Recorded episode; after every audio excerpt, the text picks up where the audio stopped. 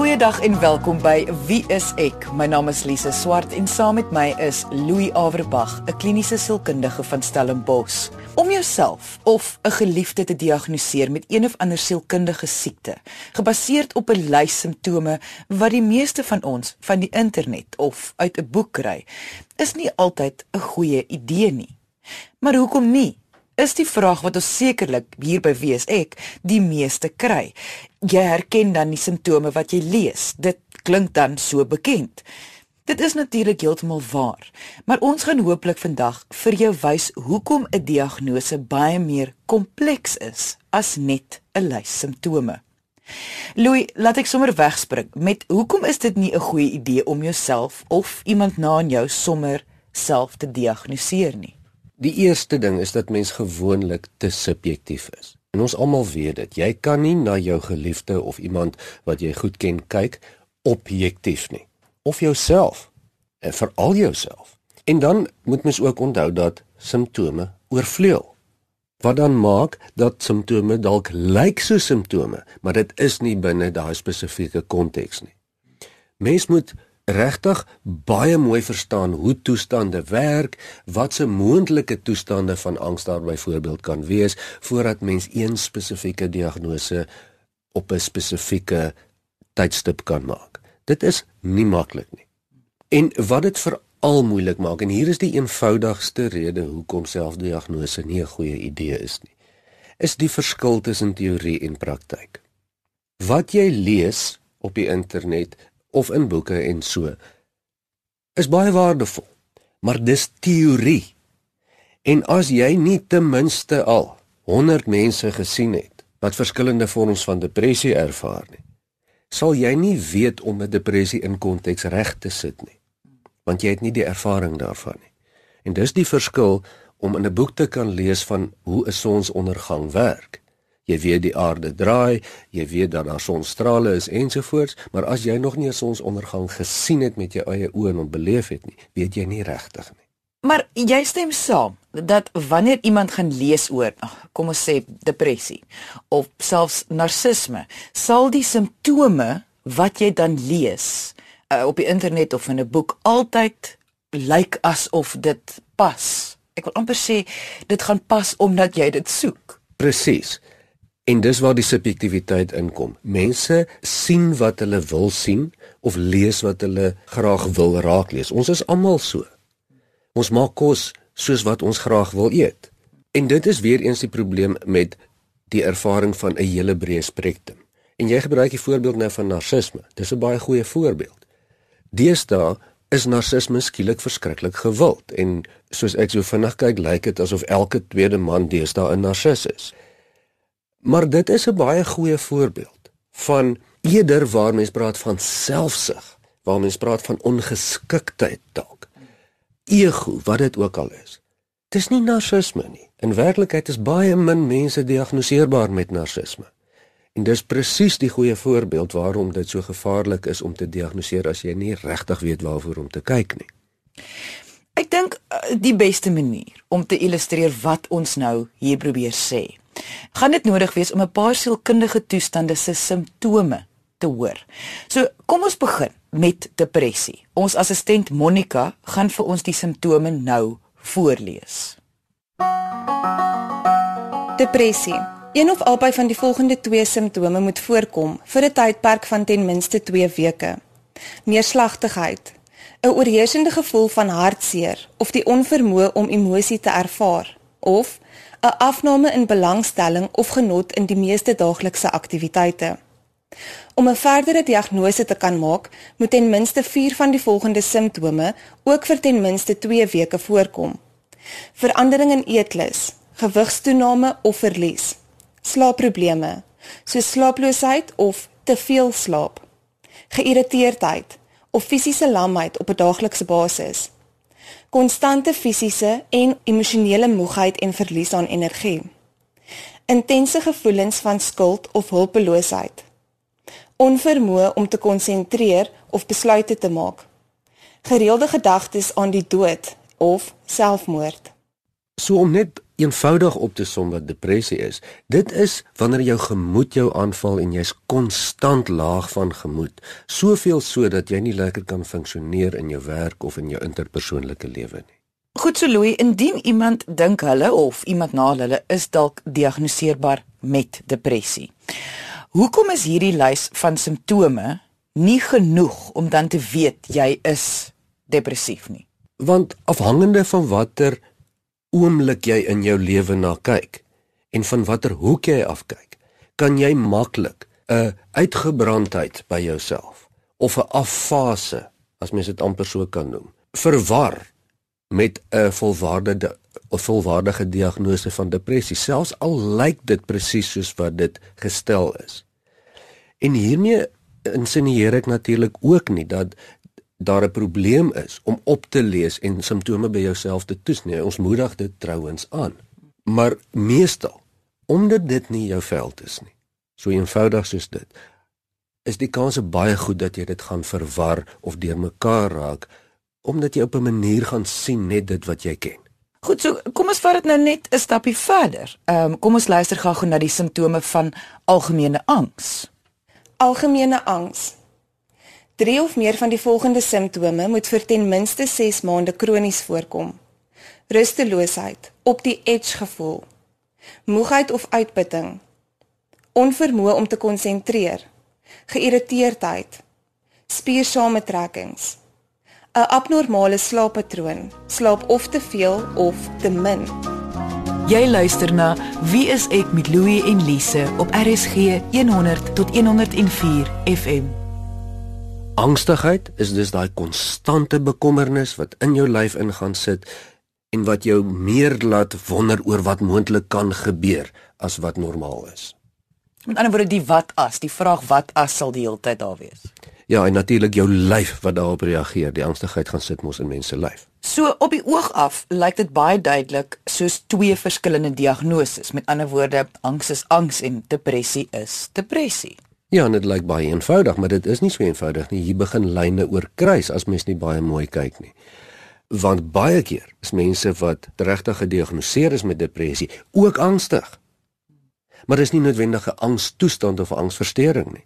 Baie keer is mense wat aan angsversteurings ly. Maak dit hulle so moeg dat hulle eh, dat hulle regtig uitgeput raak. Dan lyk dit miskien soos depressie, maar dit is nie noodwendig nie. So wat jy sê is as iemand nou vermoed of hulle lees eerste raak van angstigheid, dan herken hulle nou die simptome, maar eintlik kan dit wees dat hulle is eintlik diagnoseerbaar met depressie of andersom. Ja, omdat angs in soveel verskillende formate voorkom. Dit kom voor onder ons almal onder daaglikse vorm, in partymal sommer intens ook. Dit kom onder mense wat tydelike breuke met realiteite het, kom dit voor dit uh, kan deel wees van so baie toestande en selfs van fisiese toestande. Dat as mens dit raak lees, wil jy graag die baie groter spektrum uh, verstaan voor jy dan gaan waag om 'n diagnose op jouself te maak. Jy kan wel gaan sê, "Jessie, dit lyk vir my hier's nog 'n paar goedjies wat wat dieselfde is by my dat ek miskien bietjie partykeer oormatig angstig is." Sukkel ek dalk meer met angs as gewoonlik? Dis baie goeie vrae om 'n verder stap gaan maak en 'n diagnose te gaan maak is gewoonlik 'n ding wat mense dan diep bekommerd laat. Want dan glo hulle dit. En begin dan soms byvoorbeeld angstig optree. Nou kom ons maak dit nou nog 'n klein bietjie meer kompleks om ons punt te staaf en kom ons luister na die simptome van bipolêre verstoring.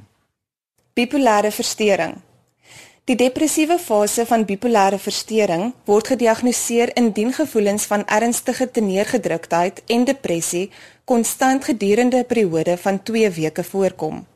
Opsigtelike gebrek aan belangstelling in byna alle aktiwiteite. Opsigtelike gewigsverlies sonder dat dit dieet gevolg word of gewigstoename.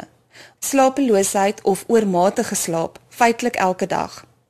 Uitputting en 'n verlies aan energie gevoelens van nutteloosheid en skuld, konsentrasie en geheueprobleme en 'n onvermoë om besluite te neem, selfmoordgedagtes. Die maniese fase word gekenmerk deur 'n periode van uitermate opgeruimdheid, 'n oormaat van energie en geen behoefte aan slaap nie, in samehang met 'n geïrriteerde gemoedstemming. Om as die maniese fase van bipolêre verstoring gediagnoseer te kan word, moet die toestand ernstig genoeg wees om die persoon se funksionering op onder meer beroeps- en sosiale vlak negatief te beïnvloed. Oordrewe selfvertroue of grootheidswaan. Behoefte aan slaap neem af. Meer spraaksaam as gewoonlik en verkeer onder druk om aan te hou praat. Ideevlugte. Aandag is maklik afleibaar. Toename in doelgerigte aktiwiteite. Oordrewe betrokkenheid by genotvolle aktiwiteite met die potensiaal om pynlike gevolge te hê. Byvoorbeeld, onoordeelkundige seksuele eskapades, onbesonde beleggings ensovoorts.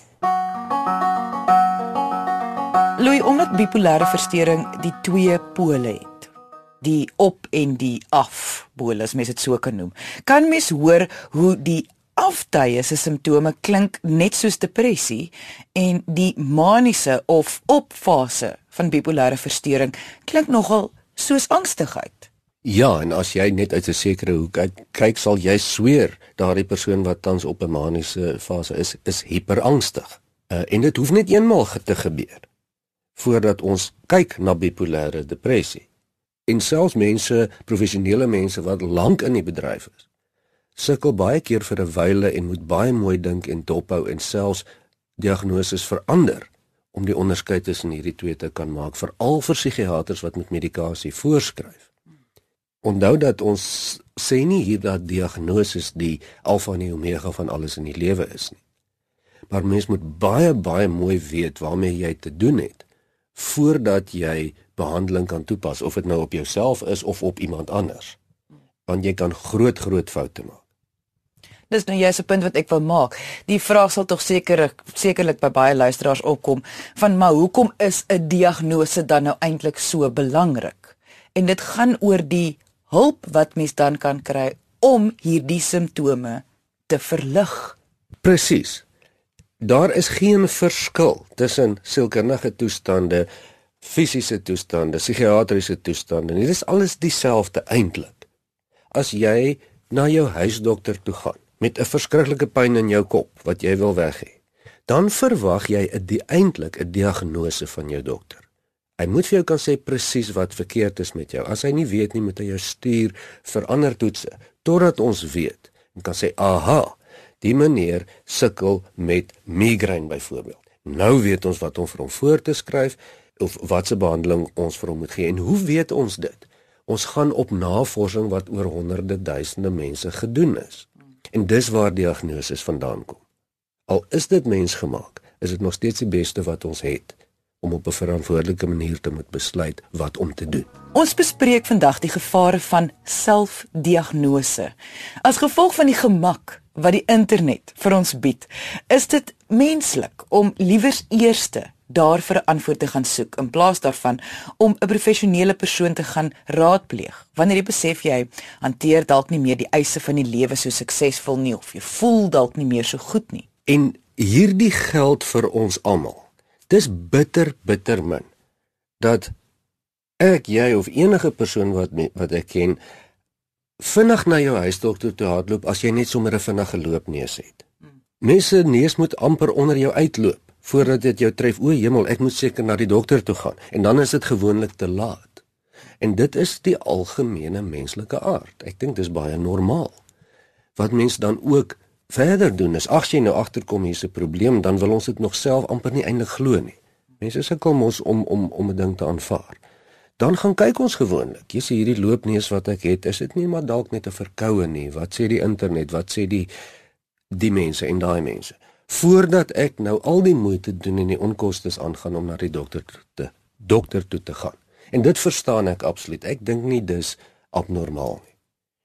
Ja, en dit is sodat mense ook partymal nog bietjie bang is vir sielkundiges en vir psigiaters of die dokters as jy nou met 'n depressie of iets net nou dink iemand jy stapel gek en en so aan en so aan. Maar ek dink dis maar meer die aard van die mens dat ons wag tot dit amper te laat is. Net om mense ook gerus te stel. Wat kan hulle verwag van 'n sielkundige? Want dit is tog nie asof 'n sielkundige enige gedagtes in 'n persoon se kop gaan sit wat nie in elk geval daar was nie. So wat doen julle dan om mense beter te laat voel? Kyk, mense gaan vir verskillende redes na sielkundiges toe, net soos mense vir verskillende redes na jou huisdokter toe gaan. En die eerste ding wat ons dan doen is om te vra maar hoekom is jy hier? Wat wil jy verander hê? En of of iemand dit in baie slim terme en geleerde terme sê man ek ly aan 'n major depressie ensovoorts ensovoorts of as iemand sê luister ek kry swaar en my gemoed is af. Dis dan my taak as professionele persoon om al is dit in my kop 'n werkende diagnose te hê. Ek moet daarom kan besluit wat is hier aan die gang? Is die persoon net bietjie af of is het ons hier met 'n regtig met 'n depressie te doen? Want as dit so is, dan is dit ook my verantwoordelikheid om vir hom te verwys vir medikasie of haar om vinniger hierdie toestand onder beheer te kry. Eindelik wat sielkundiges dan doen, ons ons is in die besigheid van gedragsverandering met vrywillige kliënte. Jy wil graag iets verander of dit jou of dit jou gedrag is of dit jou gemoed is en of dit jou denke is. Dis al wat mens tog kan verander. En sielkundiges is veronderstel om jou daarmee te help. En dit is dan ons spesialiteitsarea om eerstens te verstaan en te weet wat moet gedoen word om dit te verander. Ja, en ek weet nie van ander sielkundiges nie, maar ek kan nie gedagtes in mense se kop sit nie. Ek het nie die vermoë om dit te kan doen nie. Maar ek is veronderstel om soos jou huisdokter te weet jy het 'n griep vir jy, te weet wat is nou die probleem hier eintlik en wat moet ons doen om vir jou die vinnigste moontlike dienste kan gee. So ek lei jou maak vir jou voorstelle en help vir jou om daai verandering te maak wat jy wil hê. So voor die advertensiebreek het ons gesien hoekom dit nie altyd die beste idee is om jouself te diagnoseer nie aan die hand van drie groeperings van simptome: depressie, algemene angs en bipolêre verstoring. Vir diegene wat nou eers ingeskakel het, kan jy net gou weer opsom wat ons bevinding was aan die einde van die eerste helfte van die program? Ja, dit werk oor die algemeen dieselfde diagnose. Nie is te subjektief. Mense sien net wat hulle wil sien. En eintlik regtig het mens nie dan die ervaring om dit in konteks te sien nie. Iemand wat 'n spesialis is op motorkarre en 'n artikel lees oor 'n spesifieke motorkar of 'n engine kan dit in 'n konteks van baie ander inligting en verstaan binne sit. As ek daai artikel moet lees, dan kan ek maklik kan sien o genade is die beste kar in die wêreld of die slegste kar in die wêreld, maar ek het nie die spektrum om dit regtig mooi te kan verstaan. En dit is nie 'n belediging nie. Dis maar net die veld waarin ons is. Dit het maar te doen met opleiding en ervaring en baie sterk binne professionele grense bly en en en en daarmee werk. Dis ook nie altyd maklik nie. En soos ons gesien het, wanneer dit kom by toestande soos byvoorbeeld die bipolêre verstoring, algemene angs, depressie, die drie oorvleuel konstant met mekaar. En 'n professionele persoon is nodig om dit te kan herken by 'n persoon. En soos jy ook gesê het, mense is subjektief. As jy voel hierdie is die probleem, gaan jy soek vir die simptome wat pas by daai probleem. Ja, ons almal weet mense is baie kompleks en as jy praat van drie eenvoudige toestande wat eintlik baie ingewikkeld oorvleuel, is dit maar net die orde van die seekoei van kompleksiteit. So om aan die einde van die dag 'n diagnose uit te skop amper soos 'n produk is 'n baie komplekse proses en nie eintlik net te afgaan met 'n lysie nie. Jy luister na Wie is ek met Louie en Lise op RSG 100 tot 104 FM. Ek wil baie graag net gou 'n stap teruggaan. Mense is ook nie eens altyd seker wanneer daar iets met hulle verkeerd is nie, veral nie op 'n menslike gedrag of 'n gevoelsvlak nie. So, hoe kan hulle hulself toets om te sien of hulle nog op 'n sielkundige vlak oukei okay is? Dit gaan afhang van jou funksionering. En as ek bedoel funksionering, dan bedoel ek kom jy reg in die areas van jou lewe, jou werk, jou interpersoonlike lewe en jou persoonlike lewe. Met ander woorde, is daar baie mense wat kwaad is vir jou, wat jou afgedank het, wat nie meer met jou in 'n verhouding wil wees nie. Dis eksterne aanduidings. Dan is daar ook interne aanduidings waarvan mense gemoed die maklikste en die bekende is. Mens kom baie vinnig agter as jou gemoed baie laag is of jou gemoed vir jou pla. Mens weet dit onmiddellik. Of as jou denke jou moeilikheid gee, waar jy altyd kon lekker konsentreer en mooi helder dink, skielik kry jy dit nie meer reg nie. Of jy kan nie meer gedrag doen wat jy wil doen nie, of die gedrag wat jy doen bring jou in die moeilikheid. Mense weet oor die algemeen wanneer hulle nie self meer kan regkom nie. Indien iemand nou besef dat daar is dalk dan nou hulp nodig. Wat dan? As jy soos jy sê kom agter hier wankel my gemoed of my denke of my gedrag, dan is dit 'n baie slim idee om te keer dat dit nie verder gaan nie, dan roep jy hulp in. Indien jy dit nie kan bekostig nie, is daar 'n ander opsie? Ja, jy gaan na die staatshospitaal. Die staatshospitaal het almal psigiaters wat beskikbaar moet wees en sielkundiges. Selfs al is hulle nie in die gebou nie en dit vat jou 'n dag om in ongevalle rond te sit en te wag tot iemand kom. Jy jy gaan geholpe raak. Jy kan ook vir ons e-pos en ons sal vir jou help om by die regte instansie moontlik te kan uitkom. Ons sal ook vir jou help soek. En daar is baie ander bronne ook waar mens kan sien. So daar sal altyd ergens ietsie wees. Voor ons vandag afsluit, wat is jou laaste gedagtes rondom selfdiagnose? Ons wil graag luisteraars aanmoedig om te lees, om te kyk na die simptome, die simptome wat ons van praat te ondersoek, om te saam met ons te leer hier omtrent. En selfs selfs 'n selfdiagnose te probeer. Daar's niks daarmee fout nie, maar toets dit altyd as dit regtig ernstig is en jy vermoed toets altyd eers. En dan toets jy met iemand wat opgelei is daarvoor. Want as jy baie goed gelowig op jou eie diagnose gaan, is die kans baie baie hoog dat jy die pot gaan mis het. Ons het aan die einde van vandag se episode gekom. Indien jy voel jy het meer inligting nodig oor professionele hulp of simptome van sekere toestande of selfs net jou storie met ons wil deel, kan jy ons kontak deur ons webwerf. Dit is wieisek1woord.co.za of kom gesels saam op ons Facebookblad onder wieisek met Louie en Lise. Dankie dat jy vandag ingeskakel het. Ons maak weer so volgende Vrydag 12:30 net hier op RSG. Jy moet 'n heerlike naweek hê en onthou kyk mooi na jouself. thank you